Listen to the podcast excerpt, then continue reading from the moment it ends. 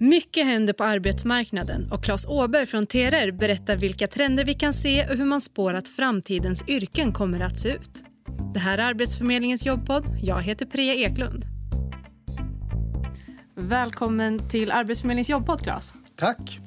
Hör du, TRR, eh, som du jobbar för, mm. släppte nyligen en rapport om trenderna på arbetsmarknaden. Yes. Och vi ska prata om de här trenderna, men varför har man gjort en sån här rapport? Det kanske kan vara bra att veta det till att ja, börja med. Ja, eh, vi på TRR vi jobbar ju med att stötta eller så här, vi, vi ansvarar för att nästan en miljon tjänstemän får hjälp med nytt jobb. Precis som Arbetsförmedlingen jobbar med samma sak så jobbar vi med att hjälpa dem till nytt jobb om de blir uppsagda på grund av arbetsbrist efter en omställning. Och för oss är det då eh, superviktigt som rådgivare eller jobbcoacher eller vad vi ska säga, hjälpa dem vidare. Och då måste vi ha koll på hur arbetsmarknaden ser ut så att man kan hitta sitt nästa jobb. Och vi försöker både titta på hur själva arbetsmarknaden utvecklas, självklart hur olika yrken beter sig och utvecklas och vad som krävs för att man ska kunna gå från ett till ett annat. Men även tittar vi liksom lite bredare på hur ser arbetslivet ut. Så det är lite det vi har siktat på med den här rapporten för att försöka få en bild av framtidens arbetsliv. Mm. Och hur ser arbetsmarknaden ut då? Vad, kan man se några stora skillnader från 5-10 år tillbaka och hur det ser ut nu? Ja, om jag kan få vara lite smal då, för de som vi jobbar med, de här tjänstemännen, de har ju en fördel, de har ju haft ett jobb innan när de kommer till oss och kommer, ska ut i ett nytt jobb. Men jag tycker den absolut största skillnaden från 5-10 år sedan, det är ju sociala medier, liksom vägen till nytt jobb går ju via, för tjänstemännen, LinkedIn till exempel. Det har ju extremt, ökat extremt. Och där finns ju även alla rekryterare som jagar de här tjänstemännen. Och så de här arenorna för att man ska kunna liksom eh, visa vem man är och vad man kan. Kanske gå med i någon grupp som diskuterar ens ämne. Man visar att man är duktig och därmed liksom får andra upp ögonen för en. Och så kan man både bli liksom raggad på eller upp, upp headhuntad eller också så söker man sig till alla de här lediga jobben som finns ute på LinkedIn. Så det tycker jag är den stora, stora skillnaden. Mm, det digitala där? Ja, det digitala. Och det, det, för, för tjänstemän som söker jobb så är det just då är det just LinkedIn, det är grejen. Liksom. Det finns andra plattformar, det finns andra lösningar, men det, det är ju den stora skillnaden. Och sen tänker jag också det här med digitaliserade rekryteringsprocesser. Alltså det här, fortfarande så är ju rekrytering ganska gammeldags. Det handlar om att välja ut några som man vill träffa och sen så träffa dem och så bestämmer man sig för den man är intresserad av. Men vi ser mer och mer utveckling mot de här digitaliserade processerna till exempel fördomsfria robotar som inte bryr sig om hur gammal man är, om man är man eller kvinna, var man kommer ifrån. Inga sådana saker är viktiga utan då är det liksom Enbart kompetens går först. Liksom. Mm. Och det tycker jag är en jättefin utveckling. Bra utveckling. Ser vi några fler trender som är tydliga på arbetsmarknaden? Eh, Förutom just det här med sociala medier och, och ja, digitaliseringen. Vi, ja, vi, vi har, det, det, man kan väl säga så här att eh, en trend som håller i sig det är när man söker jobb det är det här liksom att kontakter och kontaktnät är jätteviktigt. Och framför allt i glesbygd eller ute på, utanför storstad egentligen. Där är nätverket superviktigt. Inte minst för de här som ställer om mitt i livet, de som kanske är 50 plus och som kan uppleva att de har lite jobbigare att hitta fram till en ny arbetsgivare eller kanske inte riktigt vet vad de vill.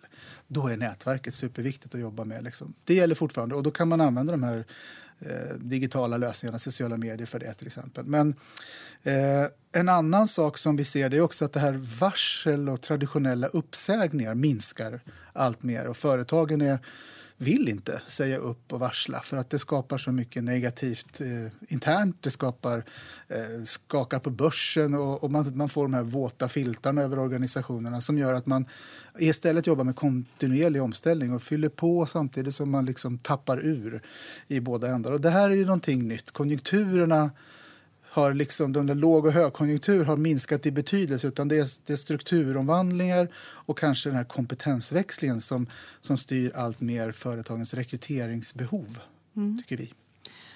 Och eftersom trenderna förändras på arbetsmarknaden så påverkar ju det naturligtvis sättet man idag bör söka jobb på. Du var inne på att nätverka, det har vi gjort i alla tider, ja. men det blir ännu viktigare nu och det finns ju större möjligheter att nätverka i och med de digitala kanalerna. Ser vi någonting mer just det här sättet att söka jobb på, om det finns några tydliga eh, ja, men några trender där som är så här att ja, men nu måste vi börja tänka på det här sättet när vi söker jobb? Egentligen så bortsett, det viktigaste är egentligen att man hänger med i det digitala, att man syns på dem, precis som du var inne på. Man syns på dem i de forum där, där rekrytering sker eller där man kan visa upp sig eller där man kan hitta jobb. Och det är digitalt, sociala medier eller via de plattformar som man rekryterar inom. Men sen finns det ju en ny trend som, också, som kommer mer och mer. Och det, i, I morse var jag på, lyssnade på en en föreläsning från Universum som ju bevakar studenter och hur deras eh, framtidsvy är. Och där är det så tydligt att det här med högre syfte, etik och värderingar, det blir allt viktigare. Och det här kommer att speglas i hur man rekryterar, hur man eh, vill jobba. Så, så, att det kommer, och förlängningen av det, för att orera lite, så blir det liksom någon slags eh, det är viktigare vem jag är och vad jag står för och vad jag kan göra som person än vad jag har för utbildning, bakgrund och erfarenhet. Mm. Eh, ännu är inte jag övertygad om att rekryterare eh, kan bortse från CV, ifrån ålder, ifrån kön och ifrån arbetslivserfarenhet. Jag tror att det är lite stelbent fortfarande, men det kommer mer och mer att baseras på värderingar och vem du är och vad du kan tillföra och hur förändringsbenägen och förändringskunnig du är snarare än vad du kan just nu. Överlag tänker jag, nu pratar vi trender arbetsmarknad och det blir ju ganska smalt. Men tittar man trender samhället, mm. det är ju väldigt mycket kring just det här med värderingar, etik, klimatet idag. Ja. Det diskuteras ju jättemycket. Yes. Eh, och där behöver arbetsgivare också börja tänka nytt. Och I er rapport så har ni mm. skrivit om fler, flera av de här olika trenderna mm. som man ser. Att, ja, men, vanligare att man kanske jobbar på distans och det är enklare mm. att göra det nu. Mm. Just det här med klimat som vi var inne på, att det kommer mm. påverka. Och I det här så har ni också eller, skrivit vissa yrken ja. som ni tror att ja. men de här yrkena mm. skulle kunna vara eh, framtidens mm. yrken. Och jag tänkte mm. vi ska nämna några av de yrkena mm. som finns beskrivna i eh, den här rapporten. Och du får gärna liksom koppla lite till vilken trend som gör att man faktiskt kommer till det här yrket. Mm. Jag har valt ut några stycken. Det finns mm. ett tiotal ungefär mm. i mm. rapporten. Yes. Eh, jätteintressant allihopa. Men jag valde ut gig manager. Mm. Kanske förklara trenden och vad det är för någonting. Eh, Ja, och trenden baserar sig egentligen på, som du var inne på, det här med att kunna jobba på distans men också det här eh, att vi kommer att jobba allt mer egenanställt. Liksom, det är ju, tittar man på siffror som nämns, som vi har läst när vi skrev rapporten, det är ju i USA, så är det, jag, jag minns det ärligt talat inte nu, men det är många tiotals procent av, av de arbetsföra som kommer att jobba gigga, det vill säga egenanställda, inte i en traditionell anställning. Så det kommer att bli en ganska stor mängd människor som jobbar lite där och då när de själva vill.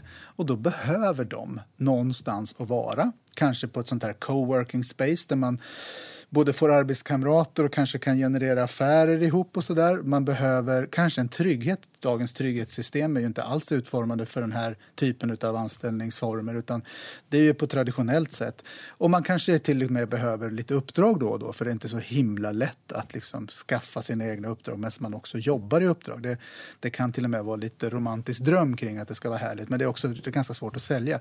Så gigmanagern kommer helt enkelt att hjälpa de här personerna Eh, att se till att de har en dräglig vardag, att de är belagda på ett schysst sätt, att de kanske till och med får ett gemensamt folk andra att hänga med. Det är roligare att vara flera i, i de allra flesta fall. Och liksom vara en modern konsultchef, men för frifräsare. Och trenden som det här handlar om, det handlar om det här med flexibilitet och, och, rörlighet och kanske som du sa distansarbete eller distansar och även då globalisering. För att vi kan ju sitta var som helst och jobba med, med, med internet som verktyg. Då, då behöver vi inte då, då, har liksom landsgränser och tidsgränser ingen betydelse. Så gigmanagern håller ihop, stöttar de här frifräsarna som då har det härligt var för sig. Mm. För att se till att de får lite gemenskap. Precis. Nästa yrke då. Ska vi se om jag ens kan säga det här robotpersonlighetsdesigner. Ja, det är ett mycket kort och snärtigt ord som vi har tänkt ut. Eh, men det säger ju ganska mycket om vad det är för någonting. Och hittills så är det ganska sällan som man, lev, som man upplever att en robot har en personlighet. Eh, eh, min bild och kanske andras bild av robotar det är att de står på ett band. De, de på något sätt 24-7 så, så, så, så svetsar de ihop bilchassin perfekt, utan minsta miss, aldrig blir trött. Känns inte som de har så mycket till personlighet. Men nästa robot som vi möter det är ju när vi ringer en kundtjänst och det svarar någon där som vi tror är en människa, men det är faktiskt en robot som då besvarar dina frågor och som kan göra det på ett sätt som du upplever stämmer överens med den kundtjänstens varumärke. Eller när du kommer till en butik och det rullar fram en iPad med ett trevligt ansikte på och så säger de välkommen till vår butik. Vad är du intresserad av? De robotarna som är mera kommunicerande och dis diskuterar med oss människor, de behöver ha personligheter kopplade till det varumärke de är satta att eh, jobba för. Och där är vi människor mycket bättre idag på att skapa personligheter än vad en robot är idag. För robotar har inga personligheter i grunden. Nej, lite, tänker jag lite det som är meningen med robot. Hur, lång, hur långt bort i framtiden är det här? Nej, men det, här med, det här med eh, att ha robotar i uh, kundtjänster till exempel, det finns ju redan idag. Och, uh, och, det var det att jag inte har fattat att jag pratar med en robot. Det, finns, det, det, där kan du youtuba fram. Liksom. Bara kolla, liksom, det, finns ganska, det finns flera exempel på det. Liksom, hur man uh, tror att man pratar med en människa men du pratar faktiskt med en robot. Och en robot är ju, alltså det är ju inte R2D2 eller C3PO eller vad de nu heter de här, utan det är ju algoritmer, det är ju liksom program som finns i en, som kopplar till en röstgenerator eller vad det nu kan heta, jag gissar bara.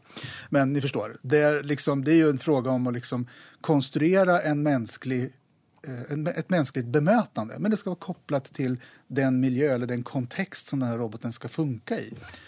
Det kommer att bli jätteviktigt och det är vi, vi människor experter på. Så mänskliga förmågor i kombination med AI och automatiserade processer och sånt, det kommer att vara jätteviktigt. Så att en av de viktigaste grejerna i framtiden det är verkligen att kunna samarbeta med en robot eller med en AI-utvecklad funktion. Inte kanske konkurrera i första hand, utan kunna jobba ihop. Då. Där AI och robot är bra på vissa grejer och vi är bra på andra grejer. Kombinationen. En sista yrke då som jag eh, tänker att vi ska prata om, just för att vi har varit inne mycket på det här med klimatfrågor och sådär. Mm. Klimatrevisor. Ja, det handlar om hållbarhet. Eh, och hållbarhet är ju, det ligger ju på alla företags och organisationer så för den skull regeringar och, och, och beslutsfattares bord. Vi måste jobba med det och det, det blir allt mer aktuellt. Så klimatrevisorn är nästintill ett ett dåtidsyrke. Ska jag säga. Det, det, det dök upp någon sån här climate controller under hösten som vi hittade på, på, på LinkedIn faktiskt när vi började zooma det. Men då hade vi redan bestämt oss för att klimatrevisor är relevant. Så det finns faktiskt redan. Eh, men det handlar verkligen om, det handlar om att hålla, det finns ju hållbarhetslagstiftning nu som man måste förhålla sig till och klara av. Eh, det finns, eh, man måste ha strategier och man måste följa upp och jobba med hållbarhet. Både med hur man producerar med partners. men inte minst för att locka de här eh, millennials, de här yngre generationerna som kommer till oss nu och som kommer ut i arbetslivet. De förväntar sig att man har ett schysst klimatavtryck, att man sköter sin, eh, sitt eh, hållbarhetstänk. Annars vill de inte jobba där. Och det går inte att fuska med sånt i framtiden. Det kommer man inte kunna göra. Klimatrevisorn har ett jätteviktigt uppdrag då, att hålla ordning på företaget och se till att man följer eh, klimatreglerna som är uppsatta. Superintressant. Och fler yrken finns ju då i den här rapporten. Yes. Jag tänkte att vi alldeles strax ska runda av vårt samtal. Men innan vi gör det så vill jag be dig säga några välvalda ord vad gäller just trender på arbetsmarknaden och hur man ska tänka när man söker arbete idag kring just det här. Just det. Man måste finnas med i det digitala, det har jag sagt så många gånger nu. Eh, man, måste, man måste visa upp sig där och man måste ha en bra profil. Man ska beskriva vad man har gjort och vad man kan, men framför allt vad man vill bidra med. Så är man aktiv på de sociala medier där man tror att ens framtida arbetsgivare letar och för de tjänstemännen som vi jobbar med så är det alltid LinkedIn. Liksom. Då, och, och, gör en bra, och gör en bra profil där, gör ett bra jobb där. Då kommer man att hänga med och få, få möjlighet. Men sen får man inte glömma det här med att vi är människor. Och en lunch, ett lunchmöte med en potentiell arbetsgivare eller en arbetskamrat som kan tipsa sin chef om att man är en himla bra typ brukar löna sig mycket bättre än spontansökningar lite höger och vänster. Så, där. så man ska fortsätta komma ihåg att skapa de här mötena med människor som kan öppna dörrar för en in till arbetsgivare eller till situationer där man får en chans att visa sig fortfarande överlägset bra. Liksom. Men jag tror att det första mötet med en sån är ett digitalt möte. Mm. Tack så himla mycket för att du ville komma hit Claes. Jätteintressant att eh, snacka med dig idag. Tack. Du har lyssnat på Arbetsförmedlingens jobbpodd med mig Priya Eklund och veckans gäst Claes Åberg. Inspelningsansvarig var PG Nordström. Om två veckor är vi tillbaka och då kommer du få den första delen i en vägledningsserie på tre delar. Har du tips, frågor eller funderingar? Mejla oss på podcast.arbetsförmedlingen.se. Vi hörs!